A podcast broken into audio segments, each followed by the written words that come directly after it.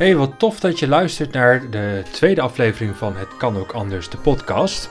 Ik heb een ehm, oude bekende die contact met me opnam, Tim. Uh, naar aanleiding van een bericht wat ik een keer had gepost op Facebook.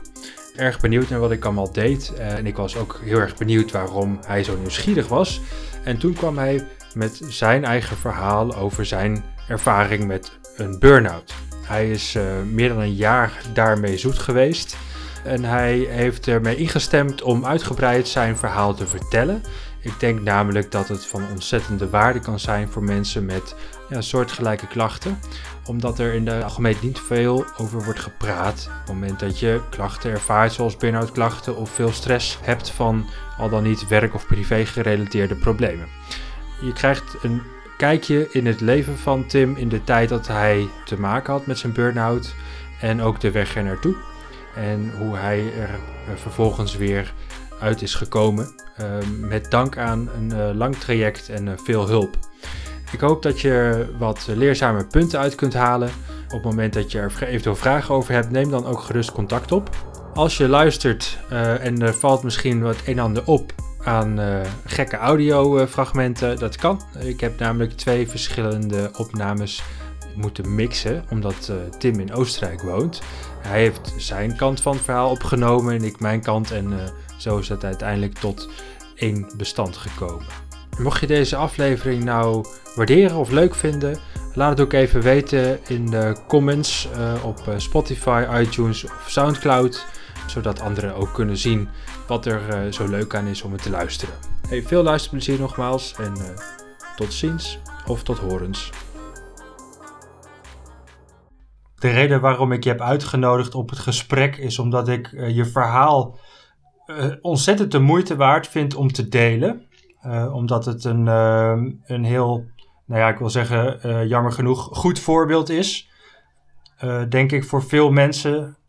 om ook wat inspiratie uit te putten. Ja, of om gewoon voor wat herkenning ook eens te kijken hoe dat gaat bij een ander. Want het is natuurlijk niet een thema waar in de regel heel veel over wordt gesproken. Hè? Nee, dat klopt. Dus ik wilde eigenlijk beginnen uh, met de vraag om te openen. We gaan het straks hebben over de aanloop naar je burn-out en de periode dat je erin zat en wat je allemaal hebt meegemaakt. Maar vooral ook uh, laten we openen met de vraag: hoe kijk je er nu op terug?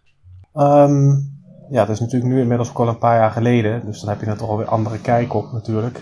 Um, nou, het is in ieder geval zo dat je nu van bepaalde dingen veel meer bewust bent. Uh, waar je destijds dus over bepaalde grenzen heen gegaan bent. Waar je nu dus eerder zelf je grenzen zet. Um, dus je bent eigenlijk daardoor gewaarschuwd, laat ik het zo zeggen. Um, en ik heb zeker, het, niet het gevoel, maar ik weet het wel zeker dat ik er in ieder geval sterker uit ben gekomen. Dat ik dus steviger in mijn schoenen sta en zo um, dan voor uh, de burn-out. Ja, had je, had je dat, dat besef je nu, eh, had je dan ervoor het idee dat, dat het ja, daarin ergens aan ontbrak? Dat, want je zegt, ik sta nu steviger in mijn schoenen, maar had je toen het idee dat je dat niet deed? Nee, toch wel bepaald doorzettingsvermogen ontbrak dan denk ik toch wel op, ja, in bepaalde uh, ja, dat je toch bepaalde stappen neemt, uh, je beroepskeuze, dat je toch hoger op wil komen en uh, ook dus dingen niet uit de weg gaat, maar juist de schouders eronder zetten deed ik toch altijd wel, maar echt een doel voor ogen hebben en daar dus inderdaad naar te streven en dat ook te halen en ook daar dan eerder ja op te zeggen en dat aan te durven. Mm -hmm. nou, dat heeft de laatste vijf jaar eigenlijk in mijn actuele beroep uh, toch wel bewezen dat dat uh, definitief anders is dan uh, in de tijd voordat ik uh, ja, thuis kwam te zitten met een burn-out. Ja, heel goed. Ja, je gaat straks nog wat meer vertellen over um, je uitdagingen waar je achter bent gekomen. Um, dus ik wil voorstellen, laten we op chronologische volgorde jouw proces eens gaan bespreken. We beginnen dan even, ja, even in de aanloop er naartoe. Hè? De eerste keer dat je erachter kwam dat het, dat het niet goed was voor jou. Wat ging er toen door je heen? Um, ja, goed, het is wel een langer proces geweest, maar dat je echt op het punt komt dat het gewoon niet meer gaat. ja, ik kwam thuis na het werk en ja, mijn, mijn ouders waren destijds op bezoek, kan ik me nog herinneren. misschien dat het ook een reden was dat ik me daar ja, op dat moment werd een vraag gesteld waarschijnlijk van hoe ging het op je werk vandaag of zo. Nou ja, en op dat punt, uh, op dat moment, uh, ja, werd ik gewoon heel emotioneel en ja, stortte ik als het ware in. Dus een hele banale vraag eigenlijk. Uh, ja, de aanloop daar naartoe, dat is natuurlijk een langer uh, verhaal. Maar in ieder geval, op dat moment ja, was ik gewoon helemaal klaar mee. Zag ik het ook helemaal niet zitten om nog weer te gaan werken. En ja, een heleboel emotie, laat ik het zo zeggen. Ja, en je zegt al, uh, de aanloop er naartoe, daar ging natuurlijk het een en ander aan vooraf. Kun jij beschrijven van welke klachten je vooral last had? Nou ja, dat word je eigenlijk pas bewust op het moment dat je natuurlijk, uh, dat je natuurlijk dan thuis zit. Dan ga je er nog dieper over nadenken. Ja. Nou ja, toch inderdaad wel gewoon oververmoeidheid. Uh, ja, momenten dat je eigenlijk helemaal niet af kunt schermen, af kunt grenzen. Dat je eigenlijk alleen maar met je werk bezig bent, uh, ook thuis. Dat je weliswaar thuis fysiek zeg maar aanwezig bent, maar psychisch niet. Aha. Um, dat merkte ik ook wel vaker tijdens het autorijden. Dat ik, uh, ik had toch een ja, 40 kilometer uh, één weg naar, of van het werk dus en weer terug. Uh, dat ik op een gegeven moment dacht dat ik, als ik bij de afslag kwam op de snelweg, dat ik dacht van wat was eigenlijk nou de, wat is er eigenlijk de afgelopen 20 kilometer gebeurd? Mm dus dat je eigenlijk aan het malen bent en met andere zaken bezig bent, of zo vermoeid eigenlijk al bent, uh, ja, dat je eigenlijk helemaal geen focus meer hebt op, uh, op belangrijke dingen op dat moment. Ja. ja. Ja. Hoe keek je op dat moment dan tegen die klachten aan? Ja, dat, dat, dat stop je, of tenminste ik stopte dat eigenlijk min of meer weg. Ik, weet ik niet, ik wilde dat zag dat niet of wilde het niet zien of wilde het niet voelen, merken. In de meeste, meeste gevallen in ieder geval. Ja. En erover gesproken heb ik eigenlijk nou weinig. Uh, niet zo open, laat ik het zo zeggen. Misschien heb ik er wel over gesproken, maar niet zo concreet en in detail wat ik daadwerkelijk op dat moment voelde, wat ik dus later dus dan wel gedaan heb. Ja, ja je, toen je erop uh, op in bent gegaan, op, dat, op die vraag hoe, hoe het toen met je ging, ja, toen brak er dus iets bij je. Mm um, en wat was het effect op jouw uh, relaties en je omgeving op dat moment? Ja, eigenlijk ook een beetje zo'n shocktoestand van wat gebeurt er nou in één keer. Uh, aan de ene kant krijg je me achteraf wel te horen, ja, eigenlijk wel een beetje aanzien komen aan de ene kant. Aha. Aan de andere kant mensen die dan toch verder weg staan of verder weg zijn, daar je niet dagelijks contact mee hebt. Of waar je gewoon geen live contact mee hebt. Uh, zoals mijn ouders. Ja, mijn ouders wonen in Nederland en die waren toevallig op dat moment dus in, uh, in Oostenrijk bij mij op visite. En um, ja, die zie je natuurlijk niet, uh, niet elke dag. En die hadden natuurlijk wel zoiets van, oh, wat, wat gebeurt er nu dan? hè? Wat is er aan de hand? En ja, meteen wel natuurlijk de ondersteuning van ja, je moet meteen naar huisarts gaan en uh, ja, sowieso ziek melden en ja, uh, verdere ondersteuning uh, ook zoeken. nou, dat was me mezelf ook wel meteen bewust. Eigenlijk dat ik er op dat moment dus met zeg maar hulp van partner, ouders en, en mezelf niet uit zou komen. Dus dat ik echt wel iemand nodig zou hebben die van extern, die daar ook gespecialiseerd, gespecialiseerd in is.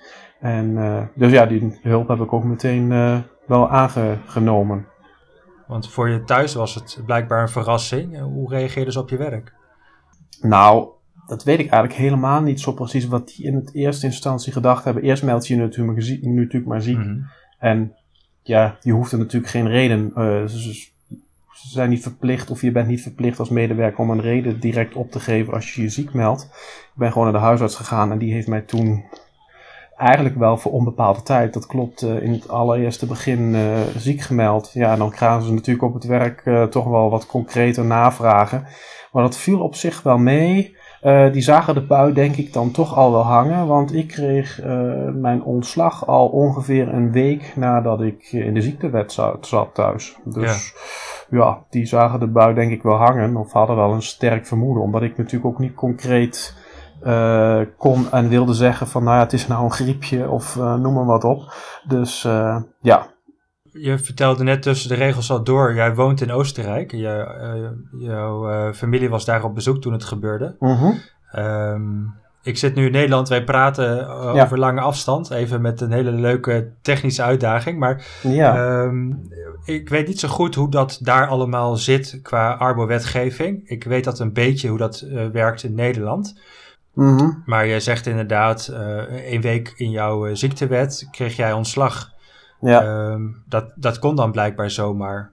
Ja, dat kon inderdaad. Um, daar was ik eerst ook wel een beetje verbaasd over dat dat kon. Ze hebben natuurlijk wel dan de, de hoe noem je dat? Mm, een ontslagregeling is er dus wel. Dus je hebt dan nog wel een bepaalde tijd dat je nog wel bij je werkgever in dienst bent. Uh, dus ze kunnen je op, op de, om die reden dus niet op staande voet ontslaan. Dus niet van vandaag op morgen. Dat kan dus niet. Dus je hebt nog wel opzegtermijn. En dat was op dat moment bij mij twee maanden, geloof ik. Uh, nee, ik had natuurlijk nog vakantiedagen en dergelijke over. Dus uiteindelijk uh, was ik er ook aan de ene kant niet heel erg rouwig om. Omdat ik zelf natuurlijk al wist dat ik daar in ieder geval niet meer wilde gaan werken. Um, en dus het was, aan de ene kant was het voor mij een opluchting. Aha. En aan de andere kant was ik ook wel een beetje gekrenkt, omdat ik dacht van nou ja, ik heb wel eigenlijk mijn hele ziel en zaligheid uh, de laatste maanden in het bedrijf en in mijn werk daar gestoken. En dan krijg je eigenlijk stank voor dank. Dus dat was eigenlijk wel dubbel op dat moment. Ja, snap ik. Want uh, er, ergens hoop je natuurlijk ook op een beetje medeleven.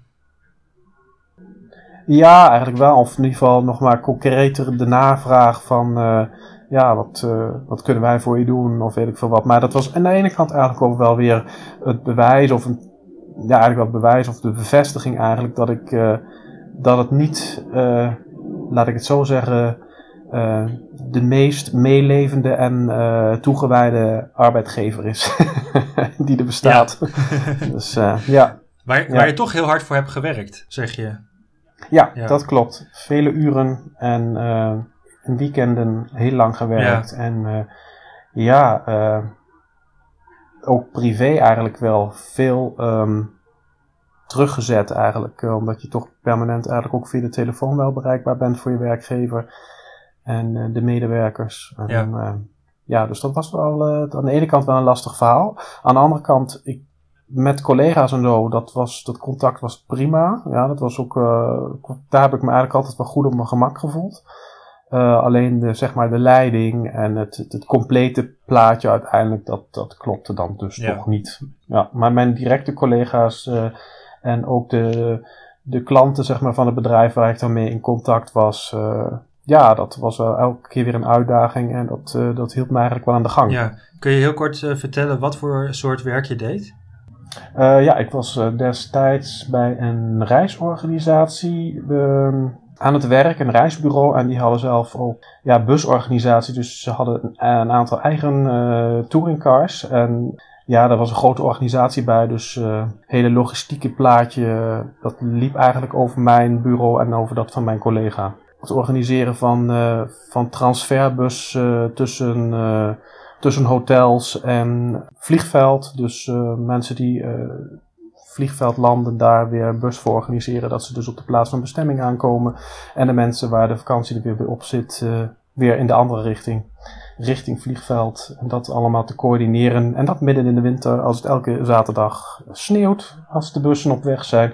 En dat, zijn, uh, dat is nog maar een klein uh, ja, zeg maar aspect van het hele gebeuren. En ja, dus dat, uh, het was een uitdaging. Het was heel veel werk, maar het was ook wel heel erg leuk werk. Omdat je natuurlijk met heel veel verschillende mensen in contact bent. En uh, met de buschauffeurs, met taxichauffeurs, met reisleiders uh, en noem het maar op. Dus dat was wel, ja, dat was wel heel erg leuk en de uitdaging. Ja. Maar het, het, was natuurlijk wel de negatieve kant dat je op een zaterdag nou, minimaal 12 uur tot 16 uur op kantoor zit met links een telefoon, rechts een telefoon in je hand en permanent uh, onder stroom staat. En dat, uh, als je dat alleen maar één zaterdag hebt in de week, dan is dat misschien wel vol te houden. Maar ik uh, werkte gewoon van maandag tot vrijdag ook nog tijdens kantooruren en, en langer. ja, je beschrijft heel erg mooi. Het is de ideale cocktail van leuk en veel en uitdagend. Mm -hmm. Eh, en je doet nog wat extra's. Dat zit dan in je natuur. Mhm. Ik ken je van eh, lang geleden al, waar, eh, waar we ook op hele wisselende tijden moesten werken. Ja, ja, ja. Dus dat zit er ook al een beetje in bij je. Dat, dat, wist, dat wist ik natuurlijk. Ja. Was het te voorkomen geweest, denk je? Mm, ja, het was wel te voorkomen geweest. Op wat voor manier? Uh, nou, door op dat moment al eerder nee te zeggen, of in ieder geval bepaalde grenzen uh, niet overheen te gaan en te zeggen van, nou ja, ik vind het allemaal wel leuk en aardig en ik doe mijn job ook graag, uh, dan inderdaad het gesprek te zoeken om te kijken van, nou, misschien kunnen we nog iemand organiseren voor de afdeling. En ik weet natuurlijk niet hoe dat bij mijn werkgever destijds zou zijn overgekomen, of dat überhaupt ook in zijn interesse was geweest, maar dat was natuurlijk wel een idee, uh, een idee geweest. Dat, dat, dat had wel wat kunnen redden, om het zo te ja, zeggen. Ja, precies. En je hebt die vraag dus nooit gesteld eigenlijk, zeg je? Nee, nee, nee, nee. En hoe kijk je daar nu op terug? Nou ja, uh, je moet werkgevers niet met elkaar, met elkaar vergelijken, zeggen ze altijd, en situaties. Uh, maar ja, zoals het op dit moment nu gaat, zou ik ook, of niet, zou ik ook, heb ik ook zeker andere werktijden. Dat is, dat maar voor, uh, vooropgesteld.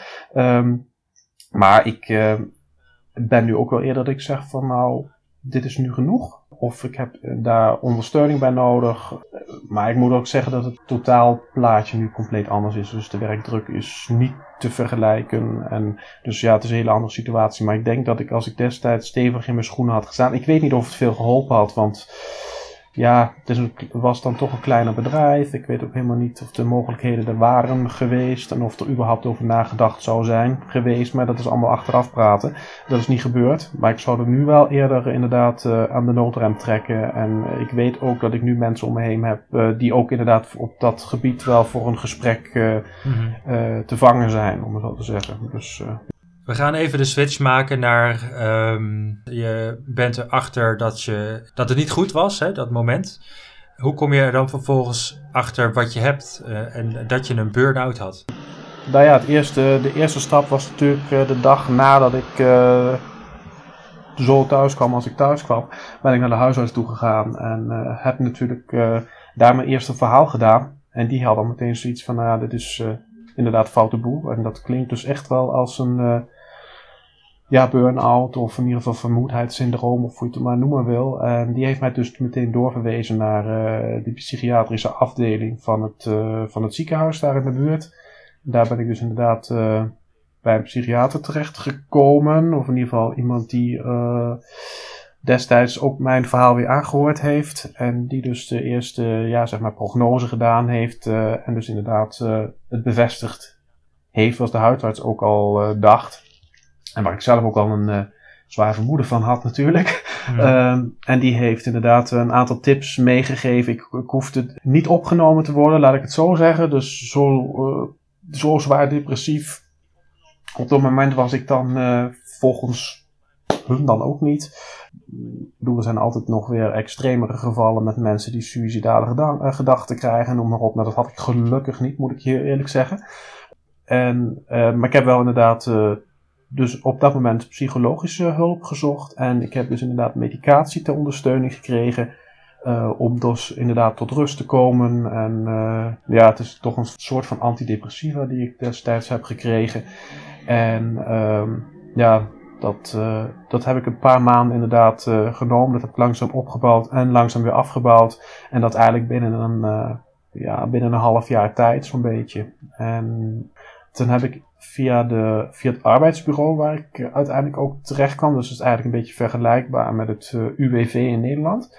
Daar heb ik iemand gehad die mij daar prima ook in begeleid heeft. En die dus inderdaad gezocht heeft naar een nou ja, naar een oplossing. Die zag ook wel dat ik niet meteen weer een fulltime baan aan zou kunnen op dat moment. En die heeft mij dus inderdaad naar een, uh, ja, een traject ingestuurd, om het zo te zeggen. Dat je dus begeleidend weer uh, teruggaat in het, uh, ja, in het normale werkleven, om het zo te zeggen. Ja. Ja, we gaan nog even terug, want je, je praat er nu ontzettend makkelijk over, merk ik. Hè? En um, mm-hmm. het is natuurlijk ook al een hele tijd geleden.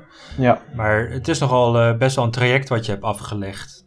Je beschrijft dat je vervolgens psychologische hulp hebt gezocht. dat, dat was niet vanzelfsprekend dat je dat kreeg. Dat heb je echt zelf moeten opzoeken. Nou, daar in het ziekenhuis in eerste instantie niet. Dus ik heb inderdaad uh, Google maar weer eens gebruikt, om het zo te zeggen. Nee, ik heb inderdaad een, dus, uh, destijds een psycholoog uh, opgezocht. Ehm, en heb daar gewoon een eerste afspraak gemaakt. Ben met haar dus in gesprek gekomen. Je moet natuurlijk altijd even kijken of die persoon ook zeg maar aan je wensen voldoet. Of je daarmee door één deur kunt. Ja. En dat was gelukkig zo. Dus ik was, het was bij de eerste keer al raak, om het zo te zeggen. Dus ik heb niet uh, twee, drie verschillende uh, moeten uitproberen, om het zo te zeggen. Om te kijken wie past goed bij mij. Ik voelde me daar meteen op mijn gemak. Ja. En uh, ja, ben daar dus de eerste gesprekssessies inderdaad ingegaan. Dat was dan twee keer ik geloof een, helemaal aan het begin twee keer in de week. Dat weet ik niet helemaal zeker meer. In ieder geval één keer in de week, dat sowieso. Um, en dan een, uh, inderdaad een uur, zo ongeveer. Ja. En, um, ja, ik ben inderdaad in de eerste drie maanden, ja, bij ongeveer drie maanden inderdaad in totaal, niet helemaal dus, omdat ik eigenlijk ook in die ontslag, uh, ontslagfase, afwis, afwikkeling daarvan zat. Um, omdat de bedrijfsarts die had mij op een gegeven moment weer, uh, zeg maar weer goedgekeurd om weer te gaan werken. En dan had ik eigenlijk nog twee, de laatste twee weken moeten gaan werken. En toen heb ik dat op de, op de een of andere manier zo weten te draaien dat mijn huisarts me dan toch weer ziek had geschreven, maar op grond van andere klachten. Uh, en uh, uiteindelijk ben ik dus die laatste twee weken ook niet meer naar mijn oud werkgever gegaan. En, uh, dus ik ben in, in totaal ongeveer drie maanden ziektewet geweest. En in die periode liep ik dus ook al, ja. kwam ik dus ook al bij de psycholoog. Ja. Um, ja, en uiteindelijk kom je dan dus bij zeg maar het Oostenrijkse UWV, dat heet hier het AMS, uh, terecht. En die hele lieve mevrouw bij het AMS, die heeft mij dus inderdaad uh, verder begeleid uh, in het volgende traject. En, maar dat, dat je daar dus een plaats krijgt, dat is inderdaad een, een reïntegratieproject geweest. we hebben het nu over, het is gebeurd in juni 2012. En in april 2013 kon ik daar pas terecht. Uh, dus er was nog een tijd van overbrugging uh, nodig. Ja. En uh, toen ben ik inderdaad bij een uh, voormalig werkgever gaan werken. Een hotel waar ik vlakbij de buurt woonde. En dus eigenlijk voor een tien uur in de week. die mensen kenden mij natuurlijk. Ik kende hun en het bedrijf. ze hoefden mij niet weer in te werken. Dus ik kon meteen daar aan, aan de slag. En uh, dat was voor mij ook meteen de, de eerste fase in mijn herstel, zeg ik maar. Uh, toch weer onder mensen te komen, vond ik wel erg prettig. Uh, mm. Ja. Ik ben oorspronkelijk altijd in de horeca aan het werk geweest. En als je dan in één keer helemaal toch alleen thuis zit. aan het, in het begin vind je dat dus niet erg. Maar op een gegeven moment merk je gewoon dat er toch iets ontbreekt. En dat was voor mij eigenlijk wel heel goed, toch weer onder de mensen te komen. En hoe het ook in een hotel of in, de, in de horeca is. Men uh, kan niet genoeg werken. dus ook daar werd meteen weer gevraagd: ja, kun je dan misschien morgen ook nog uh, die vijf uur? Of uh, ja, ja. En ja, dat, dat was dus voor mij een hele goede uitdaging en ook een goed, ja, goed leerproces om dus meteen daar nee te leren zeggen. En dat heb ik dus inderdaad ook gedaan. En dat was ja. maar gewoon echt een. Heel goed ja, hoe noemen ze zoiets? Een geluksmoment of in ieder geval een bevestiging van ja, zie dan wel, dat kan wel. En als je er gewoon over praat, dan, uh, dan is het ook helemaal geen punt. En dan, uh, ja, uh, zij wisten natuurlijk wel wat er met mij aan de hand was. Ja, daar heb ik dus nooit een geheim van gemaakt. die, zij waren ook heel meegaand daarin. Ik moet ook zeggen dat ik destijds daar anders zeg maar opgevangen tussen aanhalingstekens ben als in de jaren die ik daarvoor in het hotel gewerkt heb. Want ik heb toen destijds toch al een jaar of vier gewerkt was nu een hele een andere, professionelere, uh, volwassenere indruk, laat ik het zo zeggen. Ja, dat heb ik met veel plezier gedaan, eigenlijk van december tot uh, half begin maart zo'n beetje. Uh, ja, toen, toen had ik nog een aanloop van een drie weken. Daar ben ik nog op een, hoe noemen we dat in het Nederlands? Ook een kuur, toch? als je als je op herstel gaat naar een kuuroord, zal ik maar zeggen, ja, dan een kuur. Dus ik moet heel even nadenken. Uh, ben ik inderdaad nog in een, uh, voor andere klachten, om het zo te zeggen, een kuuroord geweest. Uh, waar ik al eerder was geweest, ben ik wel drie weken geweest. En toen ben ik inderdaad in het reïntegratietraject uh, gestart. Ja. Dat was april 2013, ja. ja. Okay. Ik wil nog heel even terug naar de periode ja. waarin je in begeleiding was van een psycholoog. wat je Mhm. beschrijft inderdaad, ja, het was een klik op het eerste gesprek. Ik weet vanuit mijn kant eh, hoe belangrijk en Ja. ehm, ehm, hoe effectief het kan zijn als je relatie of je begeleidingsrelatie goed is. Mhm. Zou je anderen ook aanraden om daar kritisch op te zijn? Eh, jawel, want het gaat uiteindelijk wel om, eh, om je eigen verdere ontwikkeling en ondersteuning op dat moment. Dus ik denk als je, als je merkt dat het op de een of andere manier niet matcht, dat je het gevoel hebt dat je dat je, je ei niet kwijt kunt aan de ene kant. En dat er te weinig input van de andere kant komt. ehm, Of niet de gewenste input, misschien is het helemaal niet te weinig, ik weet het niet. Eh, dan zou ik toch wel aanraden om verder te kijken dan je neus lang is. En een, eh, ik misschien niet na het eerste gesprek natuurlijk, dat is misschien dan eh, nog net Ja. te kort. Maar ik denk op zijn laatst na het derde gesprek dat je toch voor jezelf moet kiezen en dan te zeggen, nou, ik merk gewoon dat het niet, eh, voor mij niet werkt. Eh, ik zou graag, eh, nou ja, bij een ander het gesprek willen voortzetten. Maar dan moet je dat voor, voor mijn part in ieder geval doen. Ja.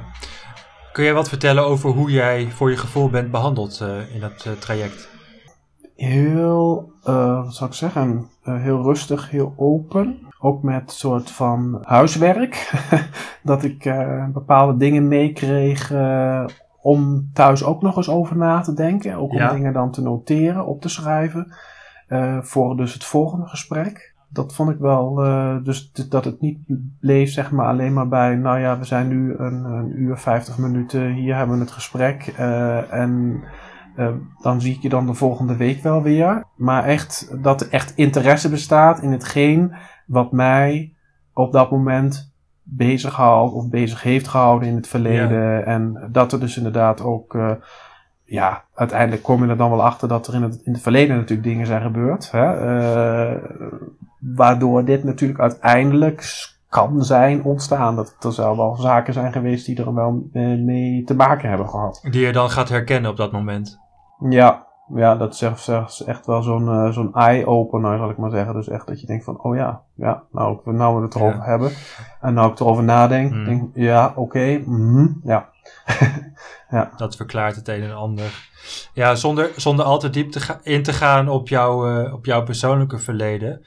Eh, maar kun jij een voorbeeld noemen van eh, het huiswerk wat je kreeg of iets wat je moest doen? Eh, poeh, ik moet ook even zwaar over nadenken. Da da daadwerkelijk wel zaken die dus verder terug liggen in de jeugd. Zaken, het gezinsleven, laat ik het zo zeggen. Ehm, of Ja. daar dingen zijn voorgekomen. Dus bepaalde ehm, contacten met je, met je ouders. Of, of ook wel uit je jeugd, dus met school en eh, dus zeg maar je klasgenoten, leraren en dat soort dingen. Eh, en uiteindelijk dan ook wel beroeps, eh, de- dus je loopbaan, zou ik maar zeggen. Dus eigenlijk, eh, het gaat vrij ver terug. Dus tot je, van je kindheid via je jeugd en dan zo uiteindelijk in je beroepsleven. Dus ze gaan inderdaad eh, stappen terug. En dan langzaam naar het heden, om maar zo te zeggen. Ja. Sorry, dan gaat het om een combinatie van ervaringen die je hebt opgedaan in de loop van de tijd. Kun je aangeven wanneer jij besefte dat je op een keerpunt za- zat in je begeleiding? Eh, ja, tot op een gegeven moment een keer de vraag kwam: wat zou je inderdaad in de toekomst willen gaan doen voor een werk? En eh, wat kun je daarbij voorstellen? En ze gaf mij twee dingen mee die ik dus eh, gezegd had, wat ik me voor kon stellen. Dus dat was aan de ene kant iets met auto's, en aan de andere kant eh, iets in de zin van leerkracht, onderwijzer, eh, noem maar op, in die, in die trant. En zij gaf mij dus mee op dat moment van, denk daar nou thuis eens over na. Wat, welk beroep zou daarbij kunnen passen? Dat heb ik gedaan, inderdaad. Ja, Oké, dus je bent eerst gaan kijken naar je interesses in plaats van naar vacatures die bij je zouden passen, Juist. bijvoorbeeld. juist. Dus helemaal niet meer gekeken van wat heb ik in het verleden gedaan, welke opleiding heb, heb ik gedaan. Eh, maar gewoon eh, waar inderdaad, waar liggen je interesses, wat wil je in de toekomst gaan doen. En eh, dat bleek toch wel, toch wel wat anders te zijn dan ik tot op dat moment gedaan had, ja. Ja, dan komt er dus een moment dat je dus weer actie onderneemt. Ja. Hè? ehm, je hebt een lange periode van begeleiding en veel oefening. Eh, medicatie zeg, ze- eh, zelf zeg je. Ehm, en dan komt er dus een keerpunt en dan word je eigenlijk uitgenodigd om na te denken over wat je wil doen. Hoe, hoe heb je dat ervaren, dat moment? Ehm, ja, dat vond ik, vond ik aan de ene kant lastig, omdat je dan toch eigenlijk met dingen gaat bezighouden waar je eigenlijk geen moment over nagedacht hebt eigenlijk. Omdat je eigenlijk in zo'n sleur bezig bent en nou eigenlijk de opdracht krijgt van nou denk eens over nou maar eens over na wat je nou eigenlijk wel echt wil gaan doen. Dus dat was in het begin even wennen. Maar ja, dat was ook wel weer een uitdaging, want je gaat dus inderdaad dan uh, verder kijken, ook weer dan je neus lang is. Dat, dat, hadden we net al een keer ja, dat toch wel recht in, uh, toch wel behoorlijk interessant is dat je denkt van ja, nu zie ik weer andere dingen voor me. Dan kan ik me ook weer dingen voorstellen wat ik in de toekomst inderdaad kan gaan doen, wat me erg leuk lijkt en, en noem maar op. Ja, en dan ineens dan besef je ik wil iets met auto's en of onderwijs. Wat mhm. gebeurt er dan met je? Ja, dan, dan, ja, dan denk je eigenlijk wel van ja, dat is eigenlijk iets wat ik eigenlijk al wist, wat ik eigenlijk al veel eerder wilde doen. Dat is in ieder geval in mijn jeugd, dus toen ik eigenlijk op school kwam, eigenlijk richting, het, ging richting eindexamen MAVO. En dan moet je op een gegeven moment een beroepskeuze, moet je tussen aanhalingstekens, een beroepskeuze maken. Of in ieder geval in welke richting het moet gaan. En ja, ik zal niet zeggen dat ik daar de verkeerde afslag heb genomen. Want ik heb toch echt veel uh, mijn uh, fijne jaren en een mooie tijd in de horeca verbracht. Dat, dat wil ik helemaal niet zeggen dat dat niet zo was. Maar uiteindelijk ah, was het misschien handiger geweest om gewoon wat anders, te, wat anders te gaan doen, dat weet ik niet. Maar uh, ja, uh, maar goed, beter laat dan nooit, zeg ik maar. En, uh, en toen ben ik dus inderdaad wel nagedenken van, nou, wat, wat kan erbij gaan passen? Nou ja, dan krijg je eerst zoiets van, ja, rijinstructeur, autoverkoper. Dat is altijd wel iets geweest wat ik in, inderdaad in mijn jeugd al wel gedacht heb. inderdaad, toen ik een jaar zo, ja, 13, nou, zeg maar 14, 15, 16 jaar was. Dus inderdaad een richting eindexamen ging. En het grappige is dat ik het eigenlijk nou uh, besef, terwijl we met elkaar praten, dat precies datgene wat zij dus als voorstel heeft gedaan, of waar ik eens over na moest denken, dat het precies de baan is die ik op het moment doe. En dat realiseer ik me eigenlijk nu pas. Ja, um, tof. ja dus ik vind het wel heel erg grappig uh, dat het eindelijk, uh, eigenlijk uitgekomen is. Ik zou er eigenlijk eens op moeten bellen om te kijken of ze nog weet wie ik ben. En dan zal ik er eens zeggen van, uh, nou, drie keer raden wat ik nu doe. Dus, het is gelukt. Ja, dat, is, dat zeggen ze, dat noemen ze in het Duits, noemen ze dat een erfolgserlebnis. Dus ik weet niet of je daar wat mee kunt beginnen. Nee, ik, ik snap het. Ja, tof. Ja. Heel tof. Ja, eigenlijk wat je zegt inderdaad, wat, wat mij dan opvalt is, uh, ik had het eigenlijk eerder moeten doen. Ja. Toch heb je het niet gedaan. Ja, ja je moest daar een heel lang proces uh, door. Uh, maar dat was natuurlijk omdat je van bepaalde ervaringen in de situatie af moest waar je op dat moment in zat. Was iets eerder stoppen en wat anders gaan doen ook een oplossing geweest om dit allemaal te voorkomen, denk je? Uh, dat weet ik eigenlijk niet. Dat kan ik eigenlijk slecht zeggen. Ik denk het haast niet omdat je er nu veel bewuster over nagedacht hebt uh, wat je daadwerkelijk graag wil doen of in welke richting het werkelijk moet gaan. En ik denk dat je dat moment dat je eigenlijk in, in, die, in die horeca bezig bent. Uh, ik geef nu echt niet af op de horeca. Horeca is een hartstikke mooi vak. Of je nou aan het kelneren, uh, aan het serveren bent of aan de receptie werkt of noem maar op. Ik heb nog steeds vol bewondering, zie ik die mensen om me heen. Dus dan zit je eigenlijk nog te veel daarop te focussen volgens mij. Dan ga je kijken binnen je sector, binnen je, je branche, wat is daar nu nog mogelijk? Hè? Heb ik inderdaad uh, genoeg van het uh, rondbrengen van drankjes en, en eten? Ja. Uh, welke op, mogelijkheden, zijn, mogelijkheden zijn er dan nog? Is daar dan een leidinggevende functie? Wil ik toch liever in een hotel waar ik meer uh, mogelijkheden heb, uh, waar er meerdere afdelingen zijn. En volgens mij blijf je daar dan een beetje in hangen. Als je niet echt een keihard met je neus op de feiten wordt gedrukt. Tenminste, dat idee heb ik een beetje gekregen. Duidelijk. We gaan even de stap maken richting uh, je, de fase na de burn-out. ja. Je gaf net al kort aan natuurlijk wat je hebt doorgemaakt, maar wat, je de, wat het effect ervan is. -hmm. dat je een keer goed wordt uitgedaagd om na te denken wat je nou eigenlijk echt wil. Maar kun je ook wat vertellen over wat nou een heel belangrijk leerpunt voor jou is geweest?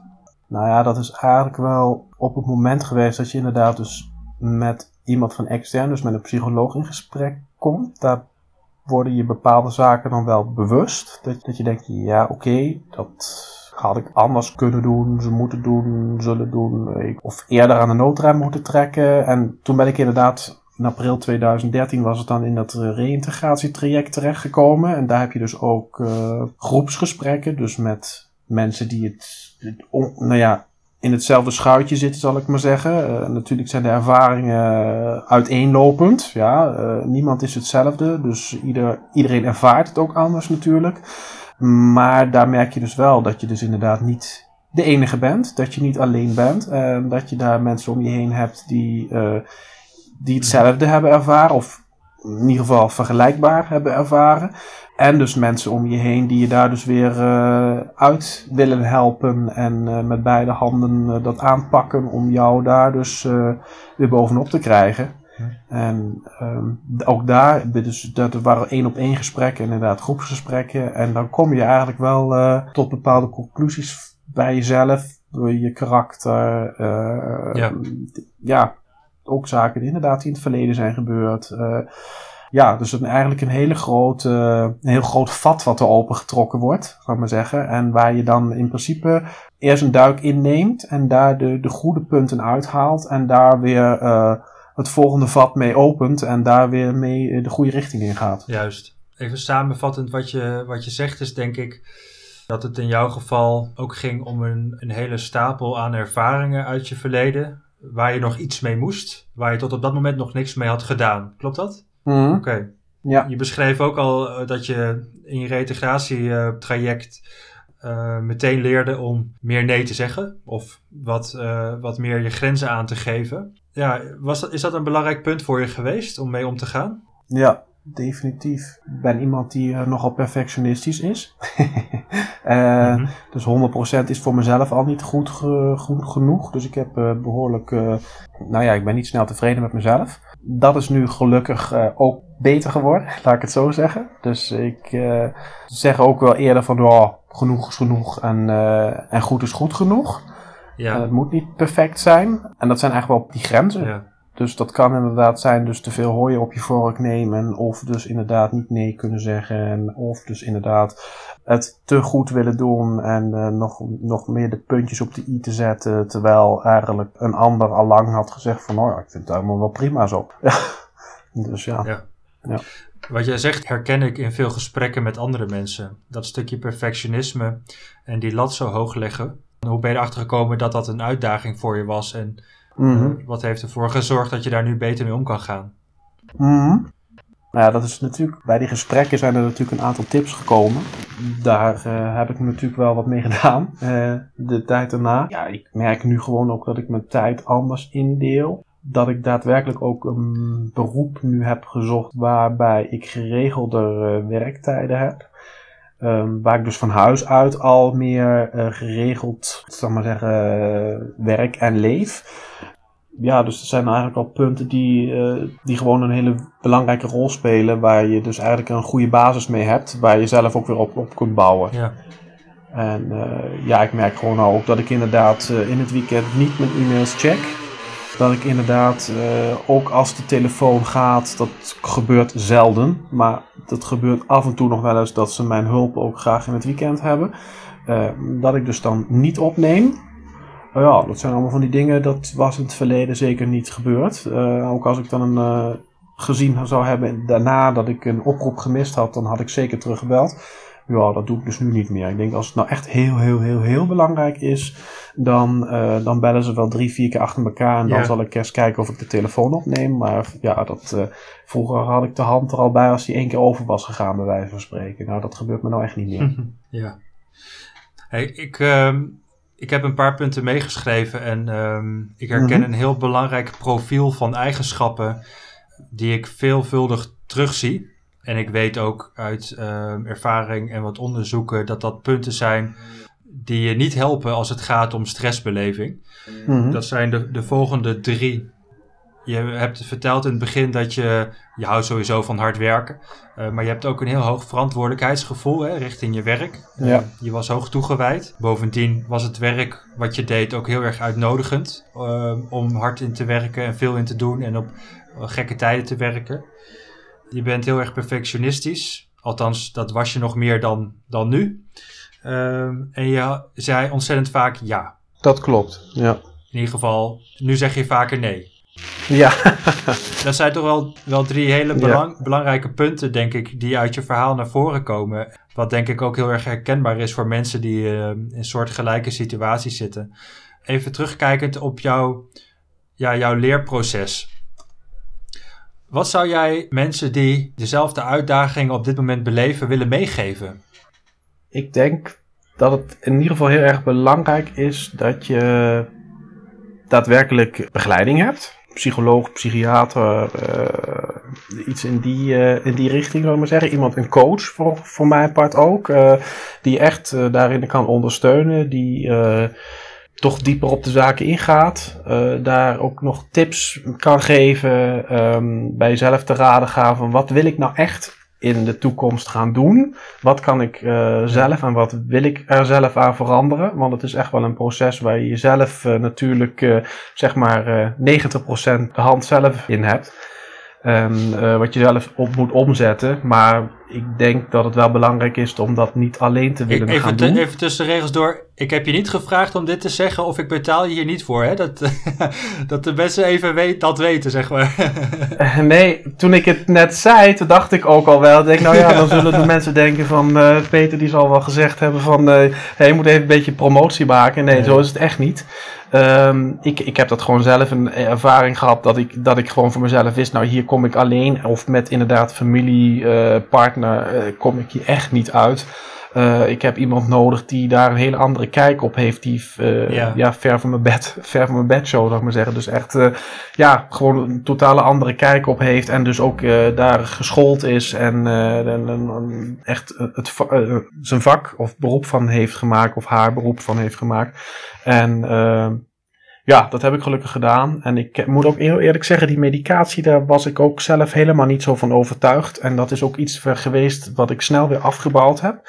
Uh, Omdat ik merkte, het, het bracht me, gaf me wel een bepaalde rust. Want je bent natuurlijk wel innerlijk ook onrustig en nerveus. Dat, dat was ook echt wel een punt uh, waar ik veel last van heb gehad. Nu en dan, zo nu, ook nog wel eens last van heb. Uh, moet ik heel eerlijk toegeven. Um, maar waar ik op dit moment zeker geen medicatie voor nodig heb. En destijds wel voor nodig had. Maar net wat ik zeg voor mijn gevoel, of voor mij was het gewoon beter om daar veel over te praten en het te herhalen. En nu ook dit gesprek uh, brengt me natuurlijk wel weer terug in de tijd. En ja, dat uh, geeft me nu ook wel een, hoe moet ik het zeggen, een bepaalde rust. Dat ik denk van ja, dat, dat heeft gewoon zo moeten zijn. Het, het, het, ik ben er niet om, omheen gekomen. En uh, ja, af en toe moet je gewoon heel hard op je grond knallen om daarna weer goed op te kunnen staan. Ja, ik, ik, uh, ik geloof dat het een citaat was van Albert Einstein, maar dat weet ik niet zeker. Het is niet mogelijk om een probleem op te lossen binnen de denkkaders waarin je het hebt gecreëerd. Mm. Vergeef me als het, dat niet de goede persoon is die geciteerd wordt. Ik probeerde het net even op te zoeken, maar dat lukt me zo snel niet. Maar dat is, dat is inderdaad wel heel typisch dat, wat je net zegt. Ik uh, herken dat heel erg. Een van de leukste momenten of dingen die ik in mijn begeleiding ervaar, is wanneer andere mensen me heel wazig aankijken en eigenlijk dan zo'n aha-moment hebben. Kun jij of herinner jij je een moment waarop jij zodanig inzicht had waarbij je dacht: Oh, dit, dit verandert alles voor mij en geeft me een heleboel duidelijkheid over nou ja, de mogelijkheden die ik vanaf nu heb daardoor? Ja, dat is er ook een beetje eigenlijk op, op dat nou echt van ook weer een moment was van vandaag op morgen, dat waag ik eigenlijk te betwijfelen. Dat zijn natuurlijk bepaalde stappen in die richting geweest. En dan zal er op moment inderdaad wel ergens een knop omgegaan zijn. Probeer ik nu even snel over na te denken. Of ik dat nou. Dat, dat is moet inderdaad uh, de, de, de, de aanleiding daartoe heeft in ieder geval mijn psycholoog gegeven. Die heeft me daar in de, richting, uh, richting, uh, de, in de goede richting gestuurd, zo wilde ik het zeggen. En uiteindelijk in het integratietraject heb ik natuurlijk ook nog psychologische begeleiding gehad. En ik denk dat het daar inderdaad geweest is, of dat weet ik eigenlijk wel zeker, dat er een moment geweest dat ik zeg, ja, nou, inderdaad is de bevestiging voor mij daar dat ik dus inderdaad op de goede weg ben. En dat wat ik in de toekomst wil gaan doen, dat is de, de juiste weg. En, en hoe dat precies Dat kan ik je nou zo 1, 2, 3 niet zeggen. Daar zou ik nog ja. langer over na moeten denken. Maar dat is inderdaad wel ja, en, en, en ook weer een proces geweest natuurlijk. Dus een, een, een wat ik zeg, de weg ernaartoe via de psycholoog en uiteindelijk dan bij het reïntegreren. Um, ja, is het eigenlijk wel heel duidelijk geworden. Ja. ja. Het was ook denk ik te mooi geweest als je had kunnen zeggen, dat was het. Dat is natuurlijk wat jij net vertelde over hè, de mensen bij wie jij praatte in een praatgroep. Iedereen heeft zijn eigen vraagstukken en zijn eigen uitdagingen. Mm ja, burn-out of burn-out klachten overprikkeling. Het is eigenlijk super actueel. Ik ken meer dan genoeg mensen die op een bepaalde manier echt last ervan hebben. Ik denk dat de vraag naar goede begeleiding ook nog alleen maar zal toenemen. Ja. Maar zeker de kwaliteit ervan ook uh, ontzettend belangrijk is. En dat het inderdaad gewoon een, een, lang proces is van best wel hard werken hè, aan jezelf. Om jezelf ja, te veranderen, uh, dingen anders te doen dan hoe je dat voorheen deed niet voor niets natuurlijk uh, ja, moet je een, een, vrij complexe situatie aanpassen. Ja, uh, Omdat je over een hele lange tijd een heleboel hebt gedaan, ja, waardoor het uiteindelijk zo is gekomen. Dat, is, dat gaat vaak niet overnacht, inderdaad. Dat is denk ik een mooie boodschap van je verhaal, Tim.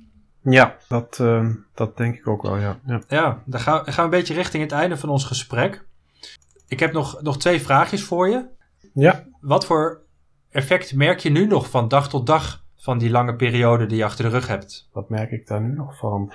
Ja, ik, dat ik nu inderdaad zekerder, zekerder ben. Gewoon, uh, hoe noem je dat? Uh, beter in mijn schoenen sta.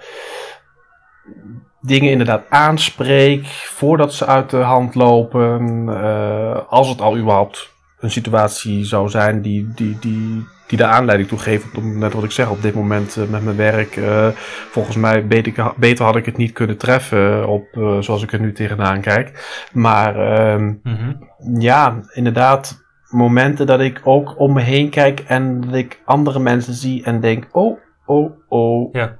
Komt mij op de een of andere manier bekend voor dat je die mensen toch ook een beetje een duwtje geeft in de goede richting weer of zo. Dat je dat eigenlijk graag wil doen. Ik bedoel, ik ben natuurlijk niet ervoor opgeleid en ik ben uh, wat dat betreft, uh, ja, ik ben natuurlijk nu wel trainer en coach, dat, dat dan wel. Maar uh, ja, dus ik ben nog steeds veel met mensen, met mensen in contact. Um, dus ja, ik weet niet of je toch een beetje de, een projectie hebt uh, van het beeld van wat je zelf hebt gehad. En dat je dan van anderen weer uh, bepaalde feedbacks krijgt, input. Uh, dat je denkt van ja, loopt misschien niet helemaal bij diegene zoals het zou moeten lopen. Uh, wat kun je daar voor een tip meegeven, om het zo te zeggen. Dus uh, ja. ja. Hoe, zou jij dat, hoe zou jij dat hebben ervaren in die tijd dat je die klachten had, maar nog niet had beseft dat het echt, uh, echt een probleem was?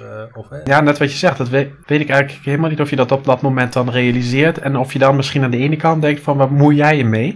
Um, dat is een beetje een afweerreactie. Dat zou natuurlijk kunnen. Aan de andere kant denk ik van, nou als je toch eigenlijk doel, doelgericht erop aangesproken wordt. En als je dus dan zeg maar toch wel in, het, uh, in de roos schiet, om zo te zeggen. Uh, dan had mij dat destijds denk ik wel goed gedaan. Dus gewoon zo'n goed gesprek tussendoor uh, onder vier ogen. Dat je gewoon eens even je hart kunt luchten. En bepaalde thema's inderdaad kunt aanspreken. Dat je daar eigenlijk een drempel over geholpen wordt. Ik denk dat het mij destijds wel goed had gedaan. Ja. ja. Jij vertelde in het voorgesprek wat wij hadden hierover misschien toch iets merkwaardigs. Namelijk hoe jij terugkijkt op je ervaring. Met dat je noodgedwongen uitvalt van je werk en met alle gevolgen van dien. Dus hoe kijk je terug op die hele situatie dat dit jou is overkomen? Nou ja, aan het, een beetje gemengd. Aan de ene kant was het natuurlijk een hele vervelende tijd. Je bent ook aan het begin met name heel erg lusteloos en je hebt nergens zin in. Je hebt, aan de ene kant ben je boos. Uh, op alles en iedereen. Op jezelf, op je werkgever, uh, bij wijze van spreken op je hele omgeving. En uiteindelijk ben ik nu eigenlijk, kun je wel zeggen, dat klinkt heel raar, uh, blij dat het gebeurd is. Want ik denk als het verder was gaan, gaan sluimeren, zal ik maar zeggen, een beetje dat het echt zo'n sleur wordt, dat, dat was het eigenlijk al wel. En uiteindelijk is het tot een, tot een uitbarsting gekomen. Ik denk als dat nog langer gerekt was of uitgesteld was, uiteindelijk was het toch gebeurd dat het goed geweest is zoals het was. En dat ik er inderdaad nu uh, gewoon mijn, uh, mijn leren uitgetrokken heb. Of hoe noemen we dat in het Nederlands? Ik sta af en toe, uh, moet ik er even over nadenken hoe het in het Duits en hoe het in het Nederlands gaat. en nou ja, dat je in ieder geval wel een, een, toch een, een hele positieve ervaring van gemaakt hebt van het, van het negatieve wat er Ja. ervoor gebeurd is. Ja. Ja, mooi gezegd. Ja, dat is een beetje een cliché natuurlijk. Ik, ik heb dat vaker gehoord van mensen die daar toch op een bepaalde manier ook wel dankbaar zijn. Omdat je inderdaad noodgedwongen leert om te gaan met je uitdagingen. Die punten die ik net noemde, hoge toewijding, perfectionistisch zijn, toch iets te vaak ja zeggen. Ja. Die combinatie die maak je echt tot een hele gewaardeerde collega. Mhm. Maar in overdaad zijn ze ontzettend zelfsaboterend. Ja. Ehm, en als je daar goed mee kunt leren omgaan, ja, dan kun je jezelf beschermen voor meer schade op lange termijn. Ik denk Ja. dat dat misschien zo eh, gesteld kan worden. Ja. En bovendien, je kunt ze omzetten in een kracht. eh, hè, waarbij je eh, op het moment dat je het nodig hebt en dat je betere keuzes kunt maken.